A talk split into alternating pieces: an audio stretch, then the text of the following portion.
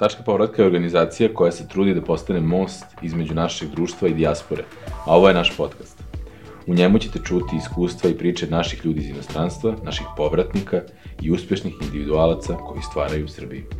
Danas je jedna rođendanska epizoda. Ne slavimo rođendan tačke povratka, nego slavimo rođendan kada se ovaj tim u ovom formatu okupio. Bio je to 17. mart, odmah nakon e, proglašenja vanrednog stanja. Meni su gostima danas Aleksandar Jakovljević i Uro Živković, dva momka koja već godinu dana usko sarađuju sa mnom na ovom projektu. Svakako će se dotaći svoje bizure, kako su uopšte dospeli do, do tačke povratka, šta su radili pre toga, čime se sada konkretno u našem timu bave. Bio je ovo jedan potpuno drugačiji razgovor od svih, zato što je bio neformalan i mi smo nekako hteli da obeležimo tih godinu dana opet i da vama predstavimo ko su ti ljudi koji zapravo rade za vas. Tako da je ovo bio jedan prijateljski, kolegijalan, iskren, otvoren razgovor i nadam se da ćete ovde videti jednu dinamiku i neku, kao kažemo, ajde, kulturu timsku koju mi gajimo i neku neposrednost i moja želja je bila da se i Uroš i Aleksandar nekako detaljnije predstave ljudima koji sa njima često komuniciraju, tako da danas su gostima, a ne toliko gostima koliko takođe domaćini, Uroš Živković i Aleksandar Jakovljević. Današnji podcast je malo drugačiji. Um, u meni su, u stvari ste u gostima.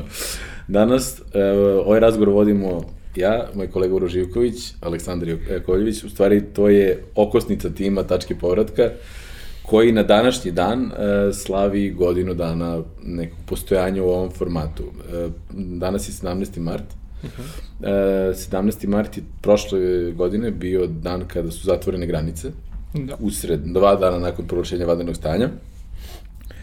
E, gde smo se mi nekako stavili na raspolaganje Ministarstvo spoljnih poslova da, da prikuplja informacije i podatke e, o našim ljudima koji su ostali preko e, van granice Srbije, kako bi organizovali te evakucijne letovi, kako bi jednostavno se u nekom trenutku vratili u zemlju. I sad, e, tada je, e, tada su Aleksandar i Uroš u stvari e, od, od, uradili veliki deo posla da to zapravo funkcioniše. I tako da eto, slavimo godinu dana, danas smo odlučili da nekako napravimo neki rođendanski podcast, koji će izaći malo kasnije, neće biti kad, za nekih nedelju dana. E, Ali dobra simbolika datuma. Dobra simbolika, baš na 17. Da, snimamo baš na 17. Ali o, mi ovde pričamo sa povratnicima stalno. Sva trojica smo povratnici, a nekako, ja sam možda nekako više lice tački povratka i onoga što radimo, a vi ste svakako jednako bitan, ako ne i važniji deo u toj nekoj me, mehanici kako to i, i funkcioniše uh, i, za, i za neke te, ajde da kažemo, vidite neke maske. Tako da ja sam teo prvo da se vi predstavite, zato što ste i, i vi upravo se uklapate u idealan profil gosti, ako apsolutno niste gosti, jer iza ove kamere sedi uvek neko od vas dvojice, ako ne i obojica. Tako da, predstavite se šta ste radili, gde ste živjeli, gde ste studirali, radili i da onda krenemo u neku, mi onako ove razgovore vodimo kao neka kafa, kao neko druženje, tako da u tom formatu ćemo i, i ostaviti, tako da eto, ajde Uroše, da počnemo od tebe, pa Pa dobro, ja sam, da, ja sam, ja sam u jednom trenutku imao priliku da budem lica ovog podcasta i baš sam sedeo sa ove da. strane. Ove, ovaj, bilo mi je veliko zadovoljstvo, ali mi je drago da smo sad ove, ovaj, u ovoj nekoj neformalnoj a, našoj trojici. Rekao bih da ono prva razlika u odnosu na 365 dana uh, unazad je ta što smo pre godinu dana verovatno sva trojice bili ono ili u boksericama ili u trenerkama kod kuće i radili smo online vrlo ozbiljan posao, ali nekako format je malo drugačiji, sad smo malo formalnije obučeni ako ništa drugo, slavimo da. rođendan na pravi način. Um, moja porotnička priča je verovatno u poređenju sa vama dvojicom nekako najkraća. Sam ja e, zapravo u inostranstvu proveo vreme tako što sam studirao Um, drugi, drugi master sam završio ovaj, u inostranstvu uh, i to na Cambridgeu u Engleskoj. I to je zapravo moj bio neki duži ovaj, period boravka u Engleskoj, um, odnosno Velikoj Britaniji. Ja jesam pre toga boravio neko vreme na studijskim boravcima u Francuskoj i u Holandiji, ali nekako to su bili moji ono prvi izleti da zapravo duže od dve, tri nedelje ili mesec dana živim um, van Beograda. 2015. godine sam se vratio u Srbiju i od tad sam uh, ovde, ako izuzmem naravno turistička putovanja i evo od prošle godine zapravo sad već 365 dana uh, član uh, ovog što bi ti rekao, okosnice tačke povratka. Ovi ćelavi bradati ljudi koji rade ovaj, u Jeste, tački povratka. Da. E, Više nismo svi bradati. Da. da. No, i neki su pustili kosu. A i neki ćemo biti ćelavi. Da, i neki su već, zalici su malo, malo dominantni već. Da, pravnik sam po profesiji, um, neko ko je prošao sve različite moguće zapravo uh, karijere, jedino nisam bio sudija, bavio sam se advokaturom, predavao sam na fakultetu, uh, radio sam međunarodne projekte, uh, predavao, zapravo u nekom trenutku počeo svoj startup koji se bavi hranom, preko kojeg smo se zapravo neki način ti i ti i ja upoznali. Ove, ovaj, koji se zove? Gastro Balkan. Uh, I uh, evo sad, 2020. godine uh, sam si me zapravo pozvao i pružio mi priliku da na ovom projektu učestvujem i zapravo mi je mnogo drago što smo, bilo mi je zapravo jako bitno način na koji smo počeli uopšte bili saradnju na ovom projektu, a to je da ja sam pratio zapravo tačku povratka i šta se dešavalo i nekoliko meseci nazad, znači još u 2019. i išli smo neke sastanke zajedno, ja sam ispratio tu priču, ali mi je bila užasno bliska. Uh, ali ono čega se sećam zapravo je kada prvi put kad se zapravo javila potreba da se izvrši neka komunikacija sa dijasporom i da vidimo na koji način možemo da pomognemo ljudima koji su u tom trenutku zarobljeni van granice. Nekako prvi put sam zapravo osetio moment u kojem mi sad stvarno možemo jednim mailom, jednim pozivom pravljenjem neke liste, pomaganjem ljudima i na kraju krajeva našem uh, ministarstvu polnih poslova, da zaista pomognemo da se ta jedna velika grupa ljudi nekako sistematizuje, da im se njima pomogne, da se daju prave informacije i da se napravi jedan sistem komunikacijski koji super funkcioniše i deluje.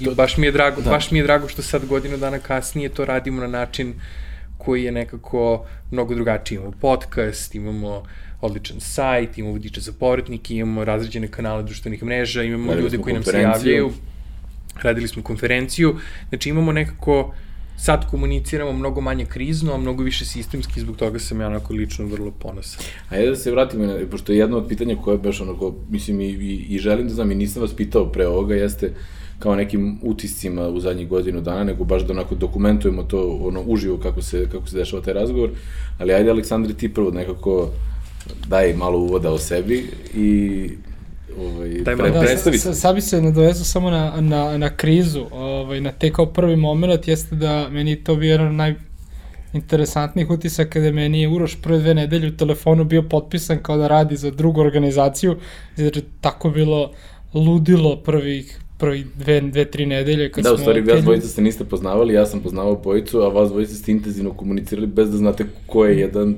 Da, jednom momentu smo rešili da u sred vanrednog stanja sve zatvoreno, da kao uzmemo kafu za poneti da prošetamo, jer kao bilo bi red da se upoznamo. Stvari, tad sam ja shvatio da on radi sa nama i onda sam kao u telefonu promenio.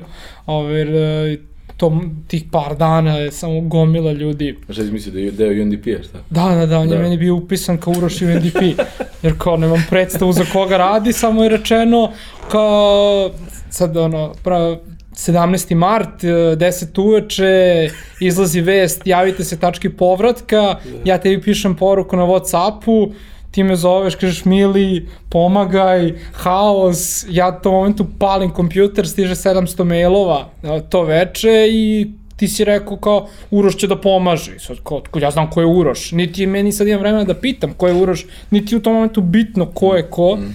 Ovaj, I onda jednom momentu smo rekli, pa kao daj da se upoznamo. I onda smo mm. krenuli da šetamo od 25. maja do Beograda na vodi, da pravimo te krugove, kao ok, ajde da vidimo ko je ko se upoznamo, treba da radimo godinu dana zajedno i sve moje fizičke sličnosti ove, smo se svi smo se svi super uklopili. A moja lična priča je, sa inostranstvom je počela 2010. godine. Ja sam otišao da završim srednju školu uh, u Americi, u Kaliforniji. Uh, jedan mali grad, Apple Valley, u Kaliforniji, nešto no, u sred pustinje, a, između Los Angelesa i Las Vegasa. Prvi utisak je da dolazim u tu kao pustinju, idem putem i ono grmlje, kao iz westerna koja se kotrlja, prelazi preko puta i oni mi do... Kovitlaci, kako se zove? Da, ja tam, tumbleweed je na engleskom, a kao bukvalno to grmlje i kao, pa kao evo došao si kao welcome home, mi došlo i plačem od prilike. Ove, ali to je bilo fenomenalno iskustvo života u porodici, američkoj porodici s kojim smo ostali u kontaktu Čuješ dalje s njima? Da, oni su bili u tri puta u Beogradu, uh, vidimo se, bio je plan svakako prošle godine da se vidimo, tako da nadam se da ćemo uspeti ove godine. E, posle toga odlazim u New York, uh, St. Francis College, uh, završavam uh, kao dvo, dvostruki program, double major, financije i business management. Uh, tamo igram waterpolo za svoj, za svoj faks. Uh, te, te go, ti ti godina... Ti neku stipendiju dobio tako? Ja sam dobio akademsku punu, ali sam imao, igrao waterpolo i te godine smo bili, to jest u mojoj trećoj godini smo bili treća waterpolo ekipa Amerike. Uh, što je najveći uspeh u istoriji škole i uh, on, sem te kao college lige ne postoji profesionalna vaterpola liga u Americi. Tako Oni odatle draftuju ljude za reprezentaciju da. ili? Uh, draftuju odatle i više ih evropski klubovi draftuju sa koleđa, pa ih onda ovi draftuju nazad, za, da. nazad iz Evrope za Ameriku. I ono što je bilo super stvar oko uh, fakulteta, pored činjenice da je u samom gradu Njujorku pa ima pristup uh, praksama i poslovima, jeste da uh, imaš pravo da iskoristiš vrednost celogodišnje stipendije da odeš bilo gde u svetu da studiraš. I ja sam tu iskoristio da odem u Berlin, uh, zato što sam imao ideju da odem, uh, da odem na master u Nemačku. I mm -hmm. hteo sam, već kad je besplatno, već kad mi fakultet plaća, da vidim kako, kako, kako je Nemačka, kako je Evropa, nikad nisam u Evropi živao. Tamo sam bio šest meseci u nemačkoj porodici, uh, e, naučio nemački e, koliko toko i onda e, otišao na master u, u Hamburg. Tamo sam bio Bucerius Law School, tamo sam završio neki interdisciplinarni program Master of Law and Business e, i onda sam u suštini vratio u Srbiju preko Gizovog programa pomoći povratnicima. I onda su uh, su me vratili, vratili u Srbiju i... Od... Su me vratili kao... Pa da, vratilo, da, to je bio... bio... Me je vratilo. Da, i onda su, bio je program da su oni nama pronalazili suštinski posao i vraćali nas, zvali nas da se vratimo i tu sam uh, 2017. Uh, u Srbiji, uh, radio sam, to je moje iskustvo je onako vrlo šarenoliko, ali uvek je bio neki nevladin sektor ili državne institucije ili e, baš onako neke omladinske organizacije, to je više neka ljubav da vraćamo zajednici pored toga što radimo. I eto, to je marta 17. Mm. 2020.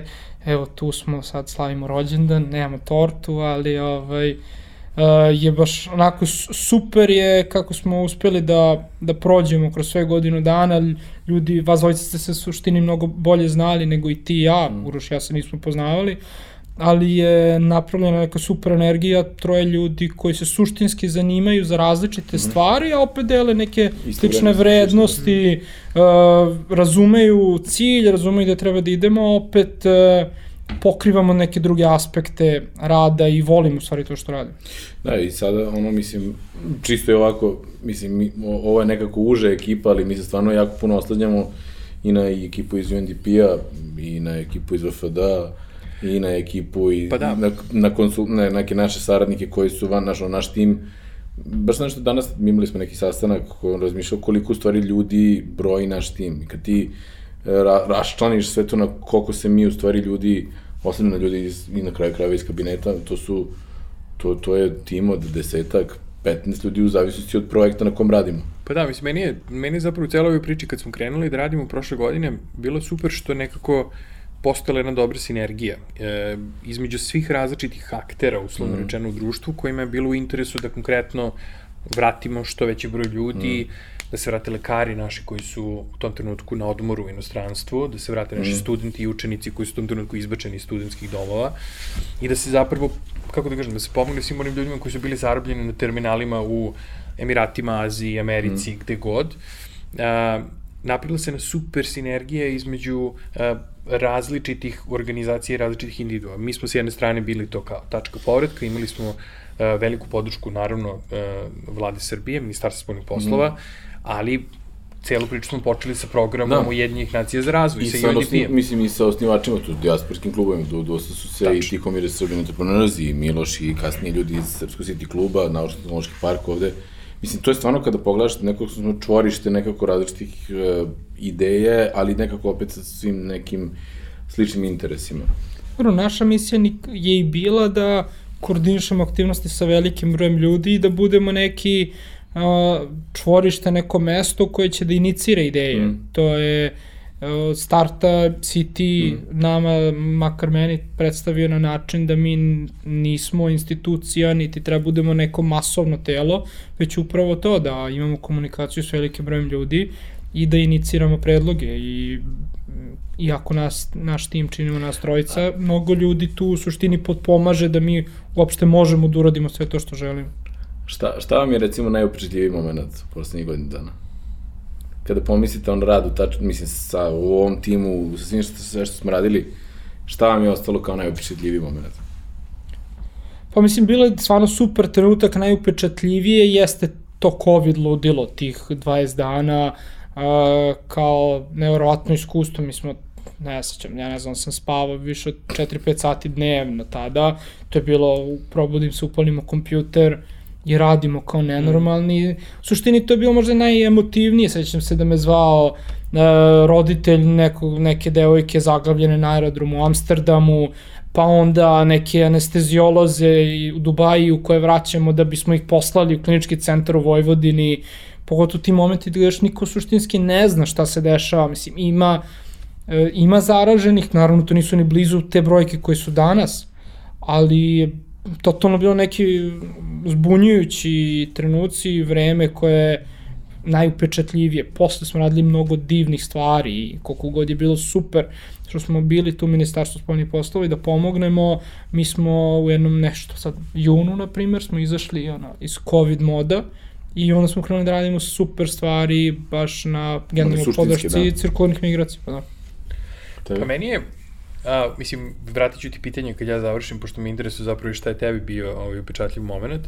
A, ja sam nekako prvi put u svojoj karijeri uspeo da vidim uh, moment da kada radiš na nečemu što ima veliki stepen društvene korisnosti, postoji jedan direktan efekt. I sad ako izuzmem, COVID, ako izuzmemo celu COVID, odnosno celu, celu, celu korona, faktor. Mm -hmm. um, meni recimo bilo, meni su bile fascinantne ljudske priče, jer ti si sad, mi smo sada negde na izvoru nekih priča, nekih prekretnica životnih koje ja pre nisam imao prosto prilike da vidim.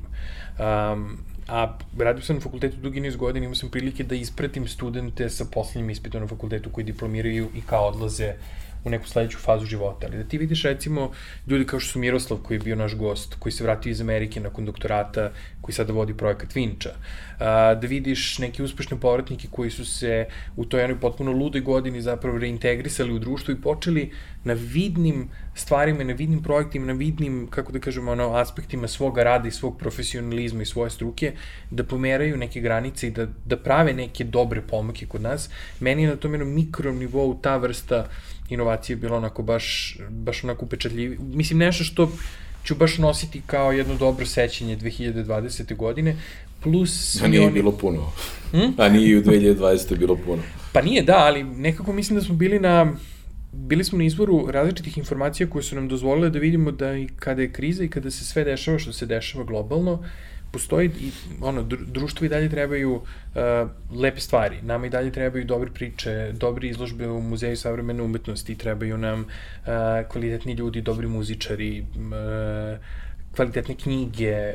Ima društvo zahteva funkcionisanje na mnogo, na mnogo različitih parametara i meni je bilo drago što smo mi zapravo imali prilike da u prvoj ili drugoj ruci sa nekim ljudima koji su se vratili i nastavili da ovde stvaraju neke super priče i da nastave neke svoje priče iz inostranstva, koji su prosto, kako da kažem, ono, postali deo ovog društva i u 2021. to društvo je bogatije za te neke ljude koje smo vratili. Meni je to recimo bio onako, baš onako, ono, lično emotivan moment i onako neki osjećaj malog uspeha, mm.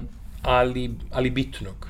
Da, pa suštinski smo uspeli da unesemo i neke inovacije u ovo društvo, meni je, na primjer, super jedna priča, jeste činjenica da je uz našu pomoć priznata prva elektronska diploma u Srbiji. Da. Uh, to je, primjer, ja dok nisam krenuo ovaj, da radim ovde nisam znao da neki fakulteti počinju da izdaju diplome samo u elektronskom formatu i ako mi nismo znali, bilo je evidentno da ni institucije neće biti upoznate sa tim i to jeste neka mala pobeda, ali kad pomisliš da će, ne znam, zbog tog nekog napora koji smo napravili, sve buduće elektronske diplome biti menjane, biti priznavane, to je baš onako jedan lep e, pečat na ovo društvo koje smo svi zajedno stvarili. Šta je tebi najči utisak? Ima ih toliko, ne znam, mislim, e, svakako je taj moment koji si ti pomenuo kada, kada je COVID krenuo, kada taj intenzitet, ima tu, ima tu moment gde sam ja u stvari došao na neki spozne koliko čoveče može da radiš ono fokusirano, to 20 sati da što ti kažeš, to, to, to je meni bilo nezamislivo da stvarno moguće u toliko dugom periodu da, da iznesemo tako nešto. Nikad niste radili u advokaturi korporativne. Pa nismo, ne, Bogu hvala. Ali, um, šta je stvarno taj efekat, znaš, ja se sećam jednog momenta, meni, i opet, i tu se slažem i s jednim i s drugim, opet, ove, koje situacije, opet neke ljudske priče, ja se sećam nekog momenta kad je bilo, joj, kad su te nešto, kad su zatvorili granice, kad su zatvorene granice, bilo pa te neke ljudske priče kad ljudi su uplašeni, pa ti razgovaraš s njim, recimo, oni, bila neka grupa od 150 ljudi koji su bili na aerodromu u, u Parizu i sad tu sad kreće da li dolazi avion, da li dolazi, da će sutra, da će preko sutra i imaju moj broj telefona i čovjek me zove koji je kao neka vođa te grupe od tipa 150 ljudi koji me prvo zove pa me vređa, pa mi plače, pa mi se zahvaljuje, pa me opet vređa, pa to, taj moment da ti u pola 12, u utorak uveče, pričaš sa nekim i da ti, ti to shvataš kao potpuno normalnu stvar. Neko, to je stvarno, svaki budni sat smo tada radili i bilo je, i bilo je teško, ali nije bilo, kako kažem, nepremostivo. Ne mogu, to, to je nekako...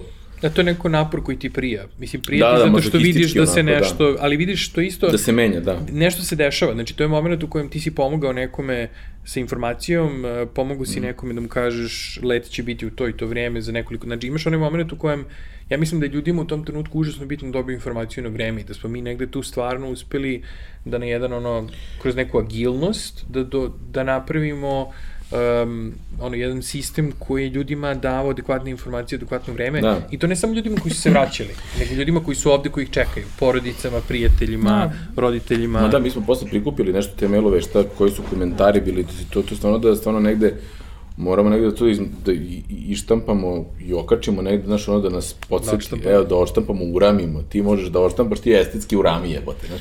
Ove, ovaj, ali da, znaš, ono, da to bukvalno, uh, to su te neke male, te neke stvari koje to, to živo znači, znaš. Ja. S druge strane, uh, iz tog nekog, ono, apsolutnog pakla svega i to, to kao totalnog haosa, se izrodila neka, potpuno nekako i prirodna saradnja, znaš, ono, Uroš i ti ja smo prijatelji, nikad nismo mislili da ćemo sarađivati, mislim ne nikad, nego nismo, nije bilo plano da sarađujemo. Ti ja smo se poznavali onako nekako letimično, ali sada funkcionišemo kao jedan tim koji se dosta lako dopunjuje oko svega. Um, to je nekako onako, ti neki, znači, znaš šta meni, recimo, danas kad sam, kad sam dolazio, razmišljam, prošlo godinu dana od toga, znači godinu dana jednog života. Si ti dao nekoj ideji, I to je meni nekako velika stvar, da sam, da sam ja, a i vi dali godinu dana nekoj toj nekoj ideji, tako da to su neki utisci. Sad se sećam baš, sad kad si rekao koji čekaju ljudi ovde, sećam se baš tog leta koji smo mi... Ne, izva, pričaš, izva... nemamo rođendansku tortu, ali ćemo sada da popijemo jednu rođendansku rakiju, tako da ti nastavi da pričaš kada ćete uhvatiti jednu nosim rakiju. O, sećam se tog leta uh, iz Vašingtona, 256 uh -huh. uh, putnika i 256 studenta i đaka koji dolaze iz uh, ono, cele Amerike, izbačeni iz domova i sad svi kao treba da se skupe u Vašingtonu. Sećam se roditelja koji zovu, nude baklave ako im vratim dete. Ovaj, svi, se, svi, se, svi su nešto zbunjeni, niko ne očekuje, pogotovo što je taj problem s tim, te jedan avion Air Srbije koji može da ode do, do Vašingtona, u tom momentu je New York valjda ne, zatvoren, pa ne može potpuno, se ide, da. on je potpuno zatvoren, a taj avion leti za Kinu, donosi... Ovo si ti, Hvala. Ovo si ti. A, donosi humanitarnu pomoć i onda živjeli. kao saznajemo da jedan avion... Živjeli, živjeli. živjeli. Ove, saznajemo da jedan avion ide i treba da popunimo samo sa studentima i sećam se sledeću u Beograd i ono, roditelji koji nas zovu posle. Mm. A u celoj toj krizi naj, mislim, interesantan utisak je da su ljudi su svi imali jednu reakciju kao vi nam odgovarate na mailove, kad pozovemo telefonom vi se javljate i kao možemo da računamo na vas, tako da ovaj, nakon toga smo radili mnoge, mnoge lepe stvari, ali ovo je možda najemotivniji period i da kažem, apsolutno mi tad nije smetalo to što radimo u kontinuitetu nenormalne sate, ali ovaj, smo baš, baš smo uložili u neku ideju. Tako da, e, živjeli. Ej, živjeli, živjeli. Ti si nam držao tamo ono, back, background music dok mi pijemo. Um, ali ajde recimo da izađemo iz, iz ono, tačke povratka ono što mi radimo, nego nego ove neke teme, recimo, mi sad stalno pričamo o cirkulu migraciji i to, radiš vi o ponovom odlasku? U nekom trenutku? Pa, mislim, evo, meni recimo, ja mogu da kažem čisto, što je možda zanimljiva stvar, uh, Znači, mi ono aktivno radimo na tome, stvarno pomažemo ljudima koji se vraćaju. I stvarno, i mi, smo, ja znam da smo sva trojica sa te strane ukorenjeni da je ovo dom. Srbija je dom. I sad, svi smo bili na polju, vratili smo se, ali baš ja razmišljate to, mislim, sad prekinu se da sam tamo da dopunim taj kontekst, jer vrednost smo, kao što sam ti na početku rekao, vrednost smo tu, kapiramo se uh mhm. -huh. i ovo je dom, ali i svet je neka vrsta ono igrališta, tako da...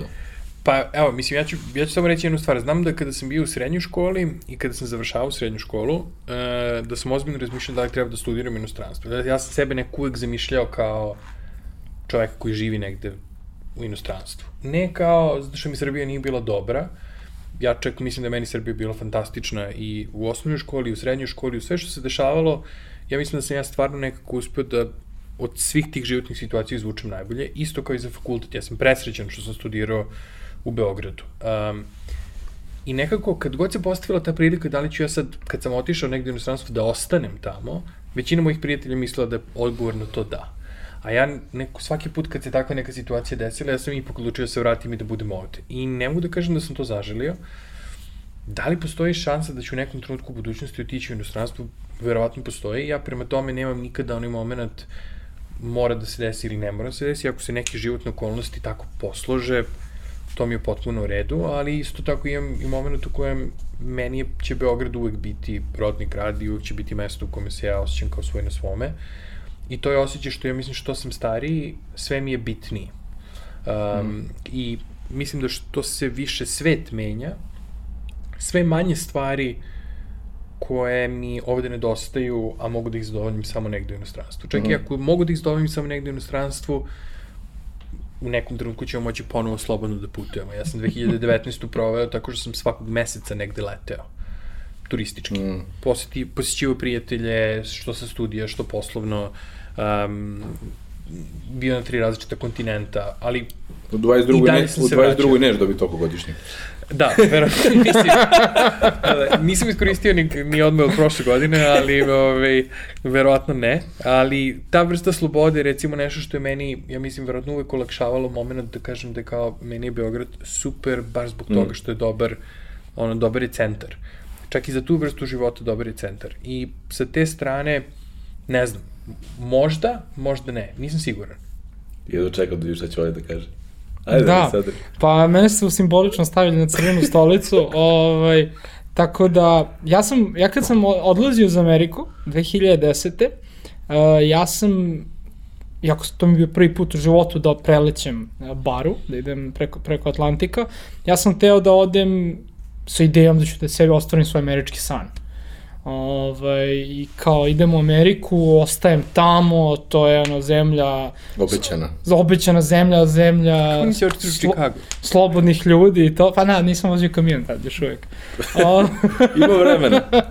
Ali, uh, i onda sam u nekom momentu na faksu uh, shvatio da je to možda, mislim, život u inostranstvu je meni najbolje životno iskustvo. Uh, E, bez sumnje. I kakve je potpuno promenila mene, ja sam kažem otišao još u srednju školi, tako da je bio vrlo formativno, formativan taj period, uh, ali sam shvatio da mi ne pruža sve i da prosto ja se ne osjećam tamo uh, kao kod kuće. Uh, između ostalog, to je bio jedan od razloga zašto sam hteo da odem u Nemačku, da vidim da li, je, da li kao meni New York smeta, da li meni Amerika smeta ili prosto mi no, život van, van ovih prostora mi ne prija i meni je Nemačko isto bilo super, uh, vrlo, to je sve bilo divno iskustvo, ali, ali ne pripadam tamo. I ja sam u svojoj glavi bio razrešio da se vraćam u Srbiju, da je ono, Srbija je dom, mesto mesto ovaj, gde želim da živim, čak i ako sam ja rodom iz Beograda, na primjer, ne želim da uh, provedem ostatak života uh, u Beogradu, želim da odem u neko manje mesto. Uh, da... Što mene u? U, Mokrin, ovaj, ali, ali pre toga, da, mi je ideja da napravim još jedan, jedan krug cirkulacije. Koji? Tako da, pa da, želja mi je da odem da odradim još jedan master u inostranstvu, ovaj, pogotovo baš iz oblasti javnih politika, jer nekako sam u svojoj praksi shvatio da to moj životni put i da je to nešto što me inspiriše, baš taj moment da radiš za nešto što je ono va, veće od nas samih i sad kao ovo nije zato što sam pisao esej jutros, nego kao stvarno, stvarno jeste stvarno jeste ideja da svojim radom doprinosimo nekom društvu u celini i, i velikom broju ljudi, ali i zato mislim, zato i želim da dobijem to neko znanje, da procirkulišem, napravim još jedan krug, ali čak i ako se spremam za taj master u Americi, uh, nemam, nemam sumnju gde želim nakon tog mastera da budem, tako da... Jel ti sebe nekad vidiš u inostranstvu? Sad kad pričamo o tome, baš mi isto zanimljivo, pošto si ti dobar deo života proveo u inostranstvu, da li ti ponovo sebe vidiš mm. negde ovaj, da odlaziš na, na, duži, na, duž, na duži period ili čak da, da možda, ono, da li možeš sebe da zamisliš da živiš van Srbije, kao do kraja života? E, do kraja života ne, sigurno. Znači, za mene je Srbija dom i to ne zato što je to Srbija, nego nekako taj kulturni kontekst i ti ljudi, način života, je, to, je, to je moj dom. E, pritom ja, a, dobro, vas dvojice to i znate, ali ja život, na život nekako gledam kao na jednu veliku avanturu i onda nekako mislim da će biti potpuno prirodno da ukoliko se desi da u nekom trenutku ta avantura negde zagrebe površine na nekom drugom kontinentu. Ali nemam sumnje da je ovo dom i nemam sumnje da se ovde vraćam, što god da se desilo.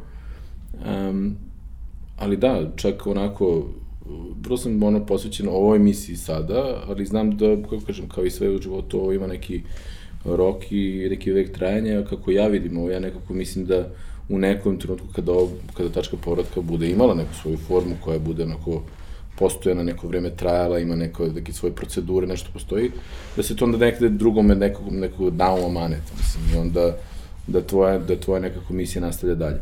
Um, tako da da, mislim da postoji realna šansa, mada iako se ne desi uopšte nemam, nisam opterećen ja sam 10 godina bio u inostranstvu i, i kako kažem, kao i, kao i kod tebe i kao, mislim, kao i kod svih manje više, to, to su neke formativne godine i formativne iskustva i to je nešto što ne bi menjao. Mada sam nekoliko puta sam i na ovom podcastu možda čak i rekao, i drugim nekim razgovorima sam mrzeo svoje prve četiri godine u Švajcarskoj. Mrzeo. Odatle su mi potekli najbolji prijatelji, uh, najbolje iskustva, neka znanja koja nikad ne bih menjao ni za šta, ali bukvalno prezirao sam svaki dan. Brojao sam sate, brojao sam dane i sate kad ću se vratiti u Srbiju. Ja sam znao u sat kad mi je let.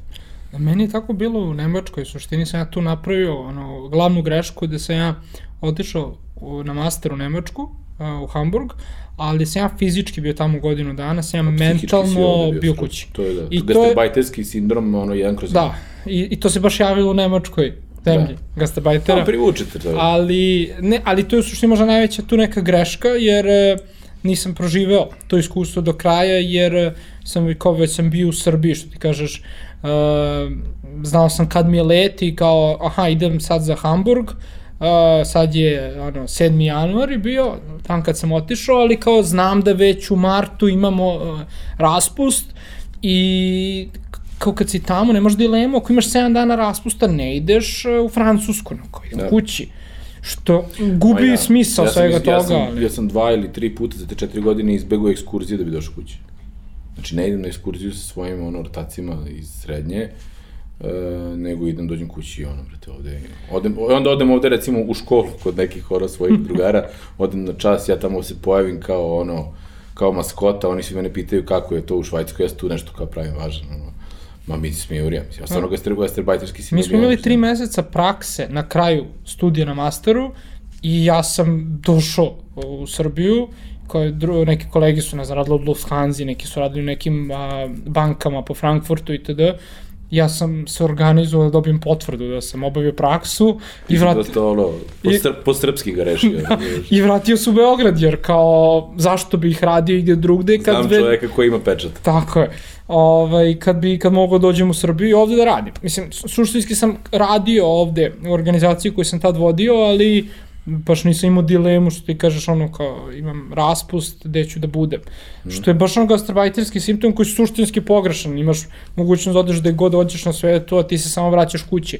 Upravo ako ti je takav mindset, onda zašto živiš uopšte da. E, u Hamburgu, ako suštinski životariš da bi živeo za momente kad si kući. Ali ja mislim da je recimo jako zanimljivo ono što je nama neko diskurs, znaš, mi se zovemo tačka povratka. Mm -hmm.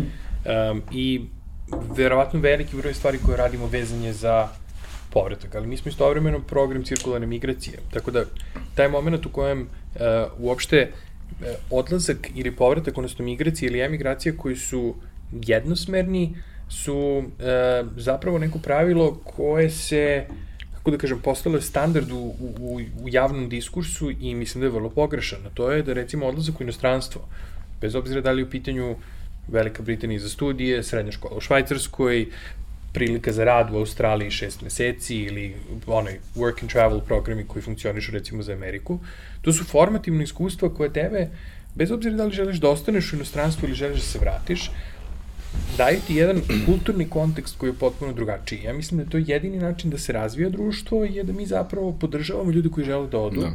ali da ih podržavamo na način da im kažemo kada odlaziš, znaj da ovde postoji neko ko se raduje tvom povratku, da ovde ima ljudi koji bi jako voleli da ono, da ti obezbede priliku da ti ta svoje znanje i iskustvo koje si stekao, kako da kažem, to neko iskustvo na kraju krajeva, vratiš nazad i doprineseš doprineseš Ma zgrabiš od života i inostranstva sve što možeš i vratiš ga ovde i onda dokle god ti prije. Pa da. Miroslav, kog smo spomenuli, ne bi mogao da uradi za Vinču što je uradio, da je samo sedeo u Srbiji. U Vinči. Pa da, ili sad da ne koristimo one istorijske primere, ali on je, on je bio, on je nam bio gost, kao što je, ne znam, u prethodnom podcastu Lazar Džamić rekao da ima čarobni štapić i mi bismo naučili da nismo najpametniji na svetu. Mm. Mislim da baš ta činjenica te bace u neki New York, gde ima 8 miliona ljudi ili sad ne znam koliko miliona, gde ti shvatiš da si niko i ništa i da moraš da se boriš, u tom momentu skapiraš da prosto e, dobiješ drugačiji mindset, dobiješ potpuno drugačiji pristup životu i to je nešto što fali ovde, jer i da ovde ljudi rade 12 sati dnevno kao što rade kad odu u Štoholm ili odu gde god u svetu, e, drugačiji bi oni sami uspeli. Tako da, mm. e, cirkulne migracije su super i ljudi stvarno treba i treba da odu, jer mi ne bismo bili ono što jesmo da nismo bili napolju. Sasvim sigurno. Da. Ovaj, a opet treba da znaju da žele, mogu da se vrate i ako žele da se vrate da imaju gde da se vrate i da postoje neke prilike i neki sistem koji funkcioniše, koji će tome da ih podrži, ali da čak i ako ne žele da se vrate, da je to okej. Okay nekako mi svi ovde i u javnosti a, imamo taj neki fatalistički pristup. Otišao si, uspeo si, vratio si se zato što te nisu hteli tamo prosto nije istina i da, mnogo ljudi odlazi, ali postoji veliki broj ljudi koji se vraća, o kojima mi generalno ne pričamo, a najinteresantnije od svega je da u svake godine ne znam koliko raste broj ljudi, stranih državljana koji odluče da je Srbiju izaberu kao mesto za svoj život. Gledali, nešto 2000, znači 2000... 12.000 je 2019. tražilo po prvi put privremeni boravak u Srbiji. A 2018. je bilo 8.000, znači da je bilo da. rast od 5, 50%. Ono... I ceo rast je bio pripisan zapošljavanju. Znači, svih tih 4000 rasta je bilo pripisano ljudima koji su došli u Srbiju po osnovu zapošljavanja i 2019. prvi put e, su, je glavni osnov za strance da dolazak u Srbiju bio rad, a ne spavanje porodice. Što je što u suštini razvijene zemlje privlače ljude po osnovu rada, nerazvijene po osnovu porodice. Mi smo u 19. napravili taj okret da sad baš sa tim rastom ogromnim. Mm -hmm. Tako da ljudi kao stranaca, imali smo ovde Liz koja je iz Australije mm. odabrala Srbiju da mesto za život, zašto neko ko je iz Srbije to isto ne bi mogao da uradi, ukoliko želi. Ukoliko ne želi, apsolutno sve sreća, a tačka povratke, svi ostali su tu da pomognu. Da. Um, koje je ovo javno?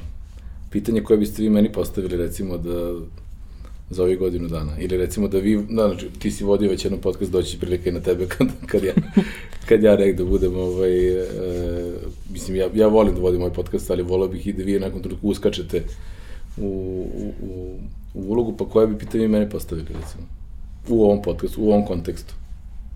Aha, znači da neko od nas dvojice vodi podcast, da, da si ti gost, da. koji zna ili ne zna šta je tačka povratka. Ne, sve zna. Sve znam. Šta bi radio drugačije u odnosu ono što si radio zadnjih godinu dana? Da možeš jedno sada promeniš. Kao, da ne bude kao zaposljivi nekog drugog. Ove... ne, ne, ovaj... Um, a, ne bih prihvatio na svoja i na nekako naša ne mogu kažem ramena, ali na, na našu odgovornost, na naša nekakva pleća. Ne da, ovaj, da ne, ne bih se toliko ovaj, rasplinuo, verovatno. Nekako bih uzeo da probam da, da imam ono, ovu svest i u nekim datim trenucima da, da sam par puta rekao za neke stvari koje suštinski nisu bile bitne, ne. Da li imaš osjećaj, moje pitanje bi ti bilo, e, da li imaš osjećaj da sada godinu dana e, nakon što vodiš kao vodiš tim mm. i vodiš projekat, um, si naučio koje su to stvari na, koje, na kojima treba da radiš na samom sebi, u smislu i profesionalno i lično, i šta si recimo uočio, recimo šta te, naj, šta te najpozitivnije iznenadilo kod sebe samog u smislu kapaciteta koje imaš, koje si sada testirao na jedan potpuno drugačiji način i u jednoj godini koja bih ja rekao da je onako dosta specifična za bilo koga u bilo kojoj sferi? E, u tom nekom ličnom aspektu um, prepoznam sam stvari na kojima moram ono apsolutno da radim i prepoznam sam stvari na koje ne bi trebao uopšte da radim. Mhm. -huh. Znači, to je jedno, mhm. -huh. da jednostavno pustim da uopšte se time ne bavim, zašto ne mogu nikad popraviti. Aha, dobro. Na tom nekom nivou, kao tipa nikada neću biti dovoljno dobar u nekim stvarima koliko neko drugi može da bude bolji od mene sa pola snage. S druge strane, e, prepoznao sam stvari na kojima treba da radim, to je recimo pre svega neka organizacija, komunikacija koja je nekako daleko sežna. Znači, a onda da govorim na treći nivo, ono što sam prepoznao kod sebe, to je neke pozitivne stvari, kada, kada god je neka krizna situacija, kada god treba je stani pani, tu najbolje funkcionišem principu mislim da dobro funkcionišem kada je krizna situacija i da moram da sam organizovaniji kada je ovaj, neko da kažemo neko redovno stanje, ali upravo zbog toga je nemerljiv doprinos vas dvojice koji ste tu ma, malo drugačiji nego ja. Jer ste vi uh, i, i tu držite organizaciju, na ažurnu, organizovanu, um, strukturisanu u ovoj meri u kojoj smo. Mi smo objektivno jedan startup koji funkcioniše na nekim drugim principima, ali fundamentalno godinu dana, malo jače od godinu dana postojanja tačke povratka u ovom formatu je, to je neka startup startup pristup. E sad ja znam... Da sad klackalica mi bismo bili kontratek. Pa jest. Pa da.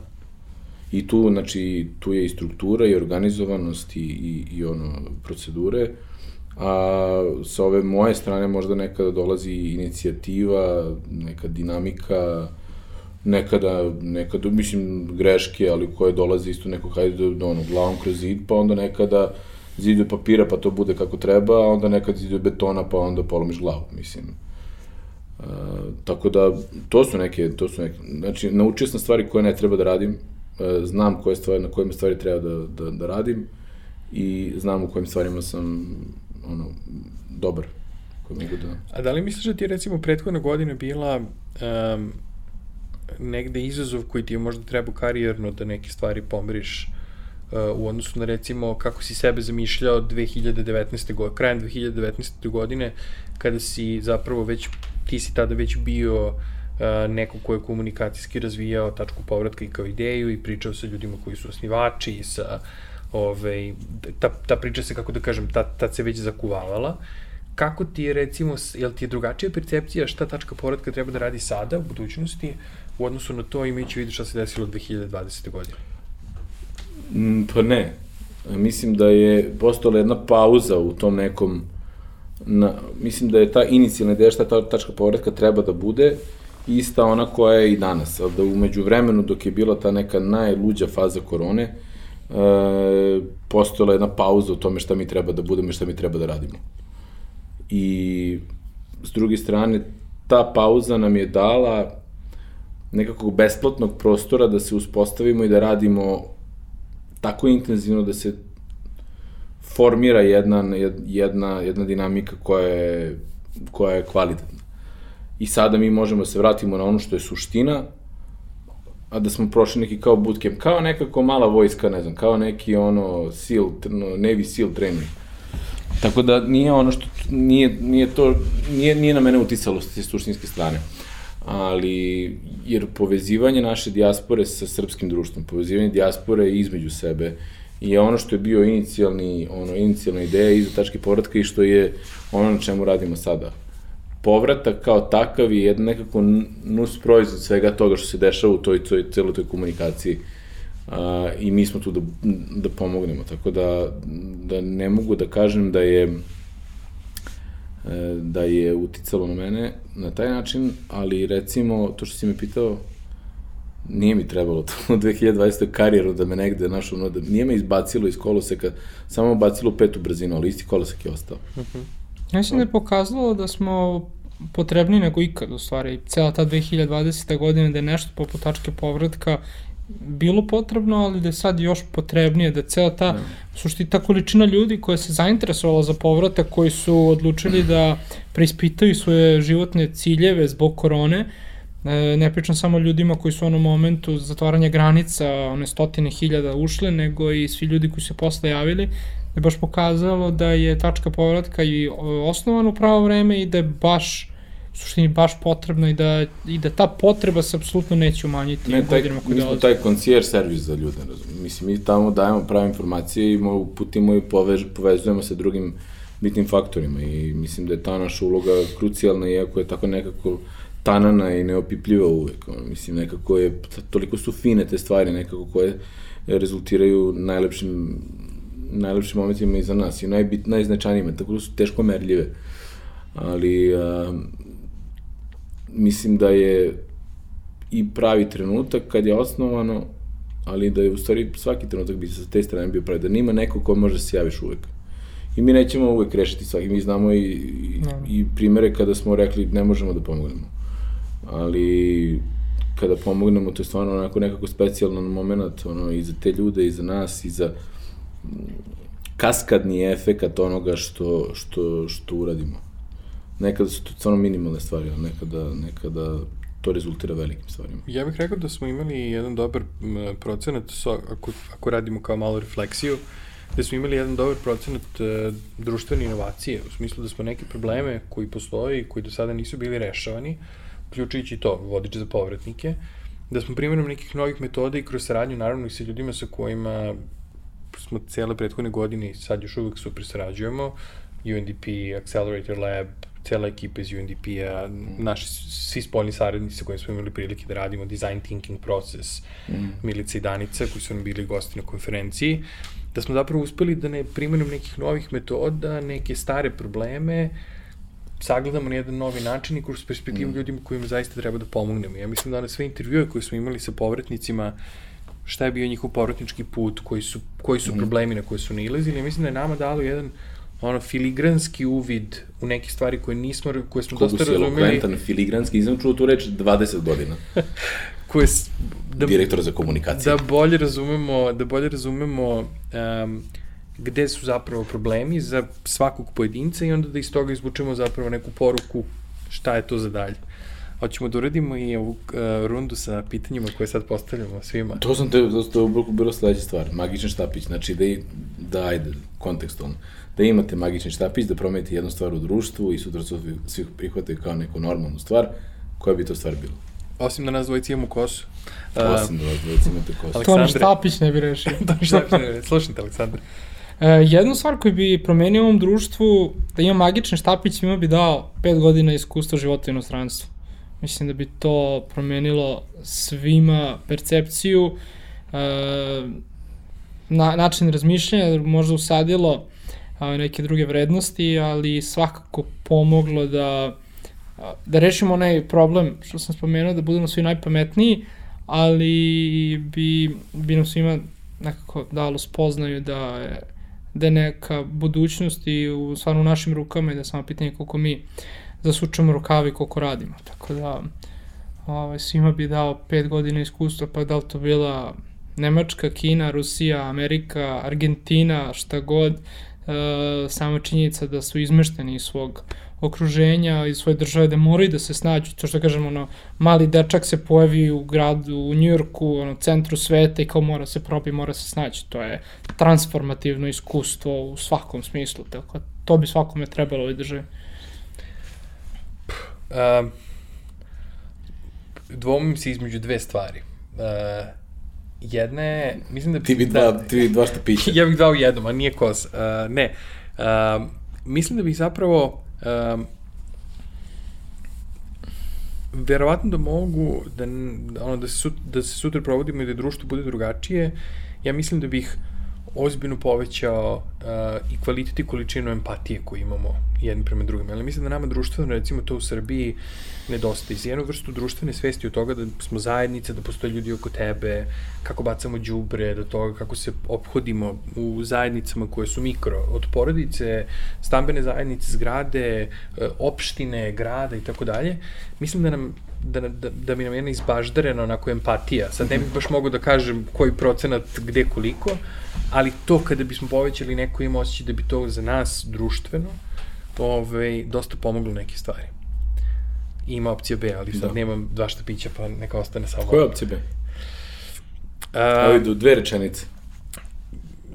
Bukvalno da svi prođemo na godinu dana psihoterapije. Znači, da sutra probudimo sa godinu dana psihoterapije, ovaj, kao pet godina života i godinu dana psihoterapije nakon no. Da. povratka za tih pet godina. Evo, odgovorit ću ja i za mene. Ovaj, da, da, ja ste da, da kažem sad... sad... E, mislim da je da mogu da promenim, bilo bi da, da, da prestanemo da imamo srbocentrični pogled na svet. Mene užasno iritira to, ma samo kod nas je ovako, e, mi smo najbolja, najbolja država za ovo ili najbolja reprezentacija ili najgora i nas uvek ukradu, mi uvek pobedimo. Taj moment srbocentričnosti i neshvatanja globalnog konteksta u kom se nalazimo je nešto što je toliko nepotrebno. No. Samo ono, sve ok, mi smo stvarno, ima elemenata u kojima ima nešto fenomenalno lepog i što nama, nama prisnog. Neke stvari su stvarno problematične, ali taj moment srbocentričnosti da gledamo kroz samo tu vizuru, samo kod nas to može da, to, to, to me recimo užasava i mislim to bih, to bih eto, promenio. Knjiga koju poklanjaš najčešće. E, čekaj, čekaj, ali Isto imam, ja, da, da ću ja, da ću ja za, za, za drugu. E, to je recimo donekle slično. Mislim da bi, evo, ako mogu da bi, da dodam naši na taj štapić još jedan ono, na, na, na, na kvadrat, to bi bio pristojnost. Nemamo elementarne pristojnosti u društvu. Znači, ono, to je ono što, nego da smo pristojni jedni prema drugim. To je donekle, što ti govori, nek donekle ta empatija, ovaj, neka ta pristojnost. A knjiga koju se najviše poklanjao,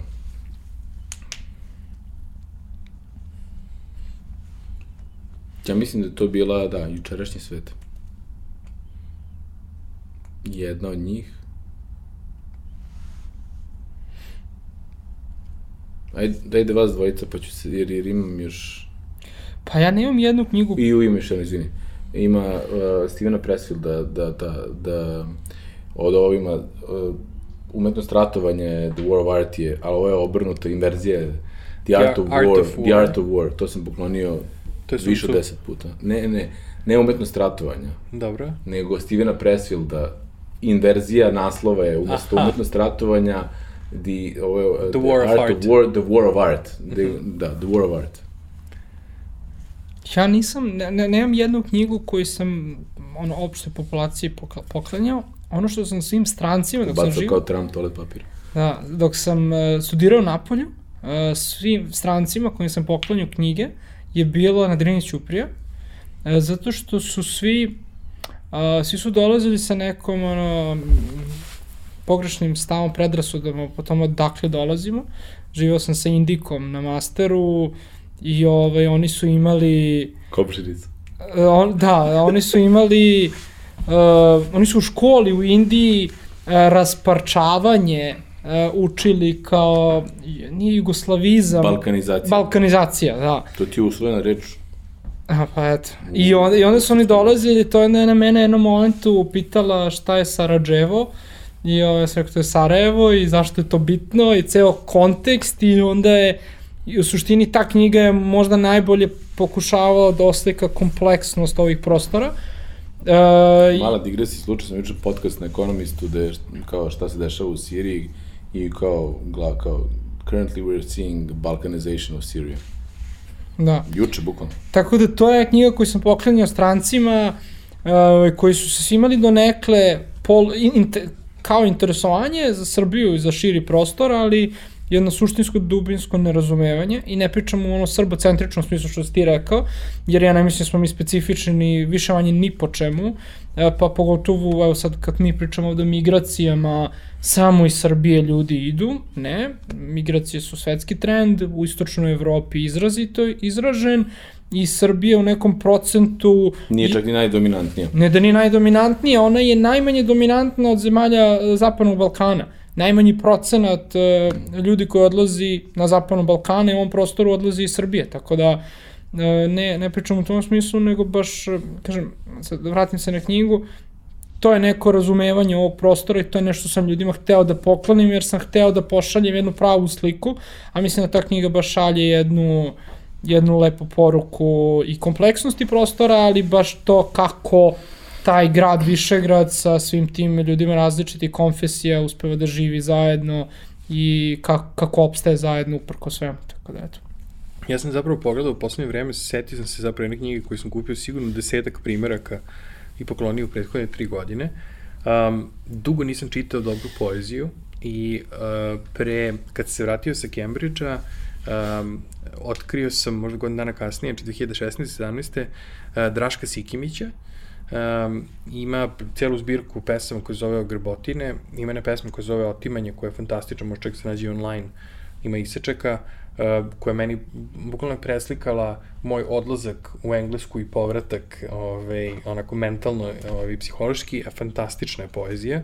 To sam recimo poklonio baš velikom broju prijatelja za jednu godinu, jedna od knjiga, recimo, u poslednje vreme koju sam onako baš često poklonio bila ta, iako nemam, inače bih uvek pre poklonio roman ili bih poklonio, poklonio neku dobru, ono, um, zbirku priča ili eseja ili tako nešto, ovo je bilo onako baš jedna fantastična knjiga uh, odlične poezije i najlepša stvar je, mislim da je kod poezije zapravo se uvijek čita na izvornom jeziku. Mm -hmm. I on, jer tu ima najviše kvaliteta. Ma, apsolutno. I baš zbog toga što je pisana na ovaj, um, što, što, mislim, što je pisana na našem jeziku, u smislu nešto što mm. možemo da to shvatimo i razumemo na taj način, a fantastično, baš onako, te ogrbotine Draška Sikimića su mi bila onako, baš, baš jedna od ono, dražih knjiga koje sam poklonio u prethodnom periodu. Dobro. Nadam se da smo se nekako predstavili u nekom pravom svetlu. Da. U nekom svetlu. U nekom, u nekom svetlu, u nekom sigurno, vidjet ćemo, vidjet ćemo, saznat ćemo vrlo brzo ovaj, kada, reakcije, da. reakcije na komentarima na YouTube. Ispratit ćemo. Ništa. A, dobro. Ništa. Ne, ja čekaj, Srećan nam rođen. Ne, ne, ne, ne, srećan rođen ni, ne ono, kažem svima hvala što ste bili gosti, ali hvala što ste deo tima tačka porada. Stvarno hvala vam na svom, um, ono, neistrpnom radu koji ste uložili u, u to da je ovo danas jedna stvarno organizacija koja može našim ljudima da pruži pomoć. Za sledećih 365 dana. Za sledećih i više od toga. Živim. Živim. Meni ostalo još malo. Sre, srećan nam rođendan. Gasite kamere.